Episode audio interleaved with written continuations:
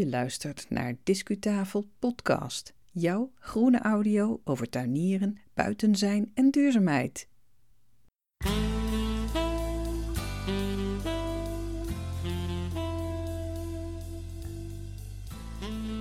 Fijn dat je er weer bent bij Discutafel Podcast. Welkom bij aflevering 154. Die is te beluisteren sinds 9 november 2023. En zoals altijd luister je naar de stem van Yvonne Smit. Ik heb heel leuke reacties mogen ontvangen op de vorige aflevering, met name op het audiolandschap dat ik heb gepresenteerd van mijn najaarstuin. Wie weet volgen er nog meer seizoensgeluiden als het zo in de smaak valt. Dat audiolandschap in een stadstuin is overigens niet altijd rustig.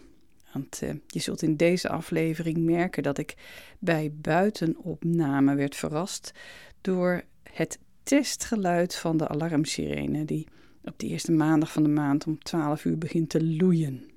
Dus schrik daar niet van. Verspreid over 2023 brengt Discutafel een aantal afleveringen voor je uit over het stekken van jouw planten. Als natuurvriendelijk tuinier wil je dat natuurlijk op een zo ecologisch mogelijke manier doen, met zo min mogelijk materialen en toevoegingen. We hopen je hierbij te helpen. Hierbij bieden we je de kennis aan die past bij onze eigen ervaringen. En als we ergens geen ervaring in hebben, dan zullen we dat er ook even bij zeggen. Vertrouw daarnaast vooral op je eigen inzichten en ervaringen. Je hoeft niet alles direct te onthouden wat je nu gaat horen. Je kunt een deel van onze informatie teruglezen in Discupost. En krijg je Discupost nog niet, dan nodig ik je uit om je aan te melden via discutafel.nl. Dan krijg je na aanmelding de Discupost gratis in je mailbox en dat is dan uh, ongeveer 4 tot 8 keer per jaar. Deze keer bespreken we een stektechniek die je kunt toepassen in de laatste maanden van het jaar tot medio december. Want we gaan namelijk wortelstekken maken. We hebben een hele serie dus over uh, stekken en daarin bespreken we eerst de voorbereiding die aan de basis ligt van iedere keer dat je stekken gaat maken, ongeacht het soort stek. Dus dat gaan we eerst nu ook doen.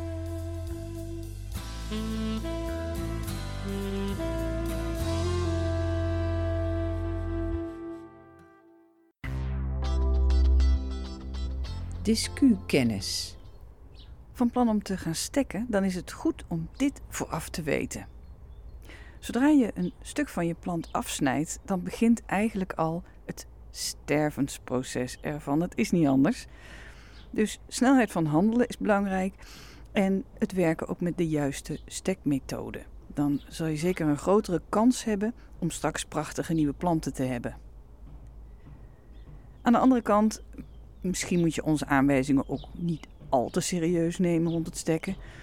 Soms heb je geweldig succes, ook al heb je iets niet helemaal volgens het boekje gedaan. En andere keren, ondanks al je goede zorgen, dan weigert je stek je hardnekkig om worteltjes te krijgen. Zo is het leven.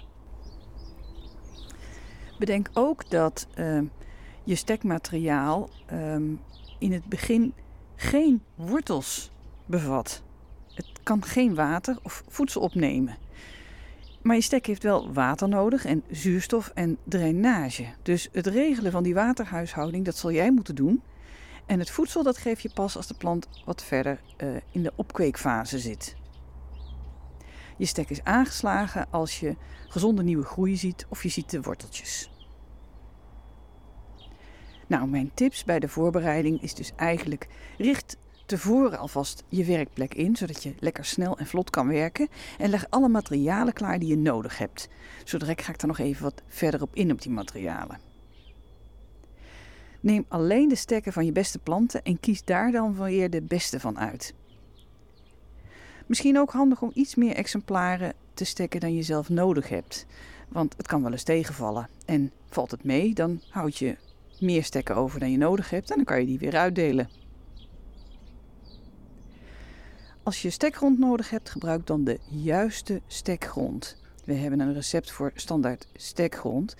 Je kunt ook een variant daarvan gebruiken, al naar gelang je stek en je eigen ervaringen. En vooral wees spaarzaam met water en dien geen voedsel toe. Nou, dan de materialen die je eigenlijk altijd wel nodig hebt wanneer je aan het stekken slaat. Het eerste is een mes of een schaar. Die ga ik pakken.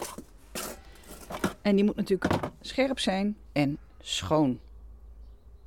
Het tweede is een, een bakje om je stekjes in te doen. Dus dat heb ik hier. Dat kan ook een glas zijn, voor het geval je in, uh, in glas uh, aan het stekken bent. Dan hebben we nog nodig een pootstokje of een uh, ander instrument. Um, om je stekjes makkelijker in de grond te kunnen doen. En ik gebruik daar wel eens gewoon een eenvoudig potloodje voor. En tenslotte uh, stekgrond. Als je in stekgrond gaat stekken, dan adviseren we om even rekening te houden met de temperatuur daarvan. In dit geval staat het buiten en het is nu koud. Um, maar je moet je stekgrond beste maar tevoren op de temperatuur brengen van de plek waar je je stekjes straks gaat laten bewortelen. Dat zou dus bijvoorbeeld op kamertemperatuur kunnen zijn. Nou, tot zover de tips die je nodig hebt om je goed voor te bereiden op het stekken.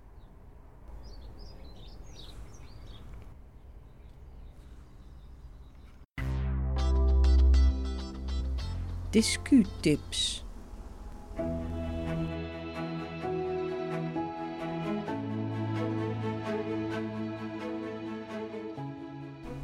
Ja, terug in uh, mijn tuin op een ander moment. Je hoort andere achtergrondgeluiden. Ik sta uh, bij mijn uh, oppottafel en deze keer ga ik een zogenoemde wortelstek maken. Een stek dus van plantenwortels. Nou, in aanvulling op wat ik zojuist heb verteld over de, bij de voorbereiding van je stekken, um, heb ik ook mijn specifieke grond voor een wortelstek voorbereid. Ik heb dus uh, stekbakjes uh, gepakt en ik zorg voor lichtvochtige grond die de eindsituatie van mijn stek zoveel mogelijk benadert. Maar die heb ik wel wat extra doorwortelbaar gemaakt en wat extra waterdoorlatend, drainerend gemaakt. Hoe heb ik dat gedaan? Nou, um, in dit geval ga ik een uh, potplant zeg maar stekken met een wortelstek. Dus ik gebruik mijn eigen oppotmengsel voor potplanten. Maar als jij bijvoorbeeld een plant voor de volle grond wil stekken met wortelstekken, dan kan je beter tuingrond gebruiken. En in beide gevallen vul je die grond wat aan met uh, spul dat het meer doorwortelbaar maakt. Dat is in dit geval kokosvezel. En spul dat het wat meer waterdoorlatend maakt. En dat is in dit geval brekerszand. Een heel verhaal over grond.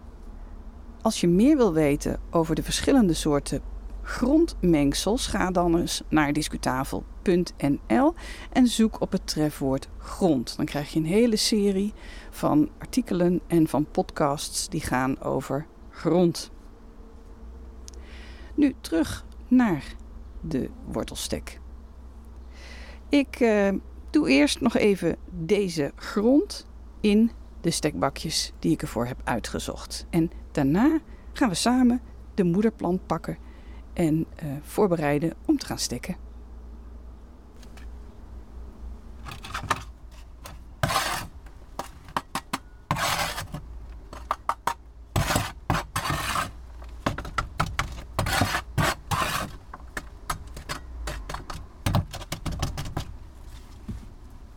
De grond die uh, druk ik licht aan. Niet te veel, want er moet natuurlijk wel zuurstof in blijven. Maar ik druk hem licht aan in het bakje.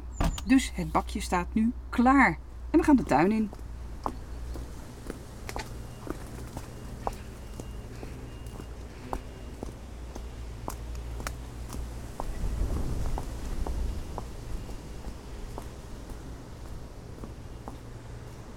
Ik sta nu stil bij een aantal eh, potplanten op het terras.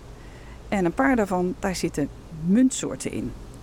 Munt is heel geschikt om wortelstek van te maken. Sowieso is munt wel een goede plant als je die in een pot hebt staan, om die aan het einde van het groeiseizoen even op te nemen en te verpotten.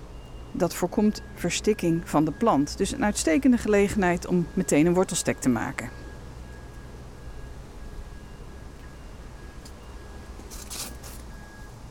Een zware pot. En die gaat terug naar de oppottafel.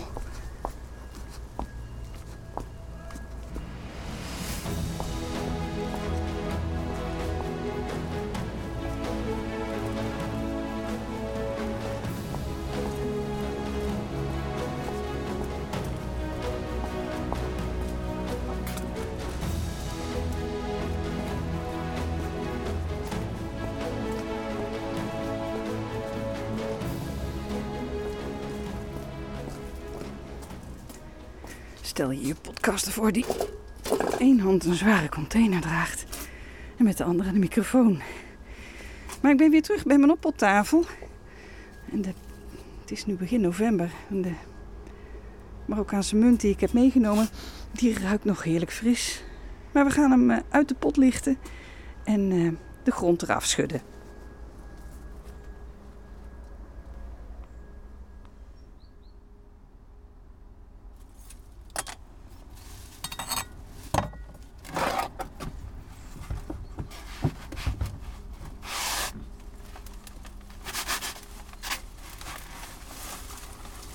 komt die uit de container.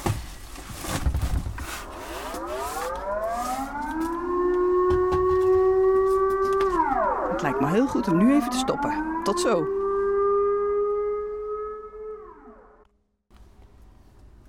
Nou, de rust is weer gekeerd. En intussen heb ik die, uh, die Marokkaanse munt uit de pot gehaald.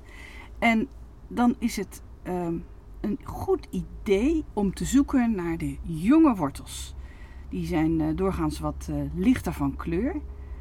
En uh, die jonge wortels die hebben natuurlijk gewoon wat meer, wat meer groeikracht. Overigens, neem nooit meer dan een kwart van de jonge wortels weg hoor, van zo'n moederplant. Want anders gaat de vitaliteit van, van jouw plant toch behoorlijk achteruit. Nou, nu pak ik een, een mesje of een schaartje en knip ik de wortels eraf die ik ga gebruiken voor mijn wortelstek.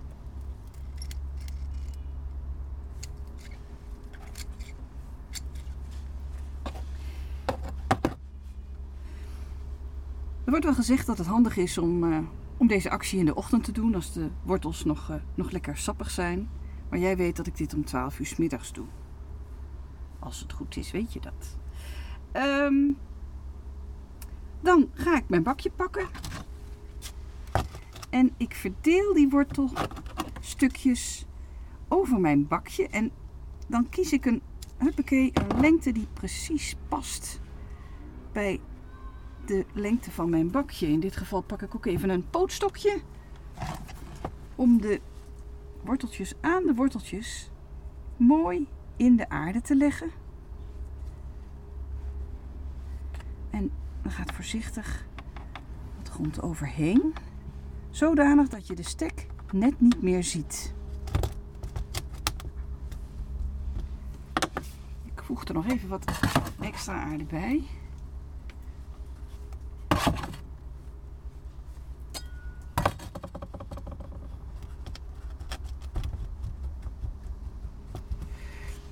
Dit geval leg ik de stekken op de aarde. Maar het is soms ook mogelijk om de stekken verticaal in de aarde te doen. En als je dat van plan bent, zorg er dan wel voor dat je die stekken met de onderkant onder en de bovenkant boven in de aarde zet. Om te onthouden wat de onder- en bovenkant is, is er een handig trucje om de onderzijde bijvoorbeeld vlak af te snijden en de bovenzijde schuin.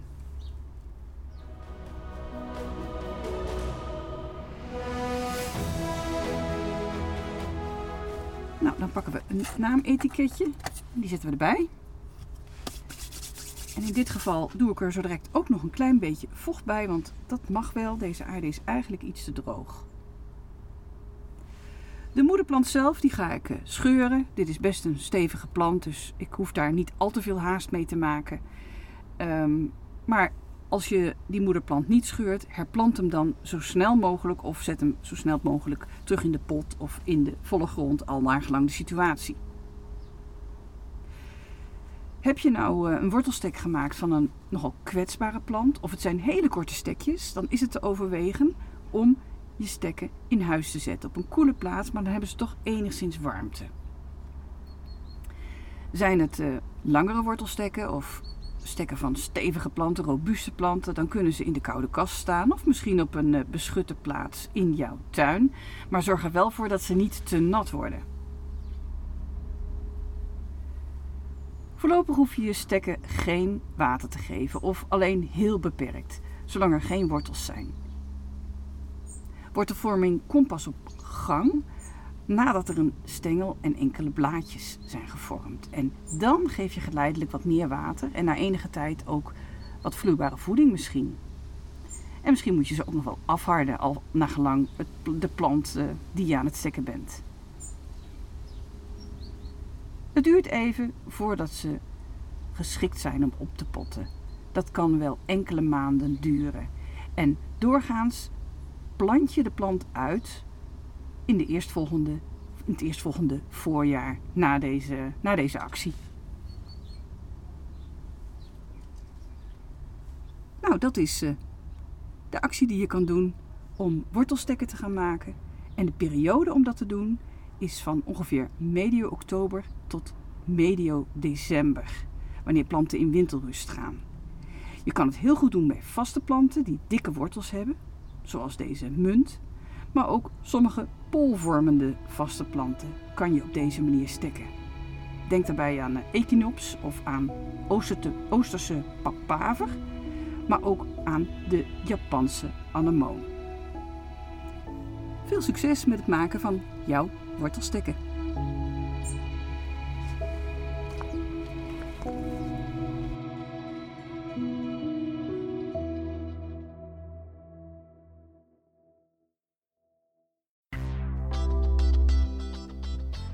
Discuslot. Je hebt geluisterd naar een aflevering van Discutafel podcast over het maken van wortelstekken. En zoals eerder gezegd, we hebben een hele serie dit jaar over het maken van stekken. Dat zijn podcastafleveringen, maar ook blogs. Nou, die podcastafleveringen die vind je via je podcast-app en de blogs staan op discutafel.nl. En daar vind je trouwens ook altijd de links naar de podcasts met de bijbehorende show notes erbij. Leuk dat je er weer was. En zoals altijd doe je me een groot plezier wanneer je je reactie doorgeeft. Aan mijzelf via de mail of via X. Of je gooit je recensie de wijde wereld in, zodat wij nog meer geïnteresseerden weten te trekken met groene audio. Wat was eigenlijk jouw succes het afgelopen moestuinjaar? Wat was jouw leermoment? En wat is jouw voornemen voor het nieuw begonnen tuinjaar? Nou, de volgende keer vanaf 23 november te beluisteren, dan evalueer ik mijn moestuinervaringen weer, zoals ik dat ook het afgelopen keer deed in aflevering 128, dat was in januari. Ga intussen lekker naar buiten. Graag tot de volgende keer.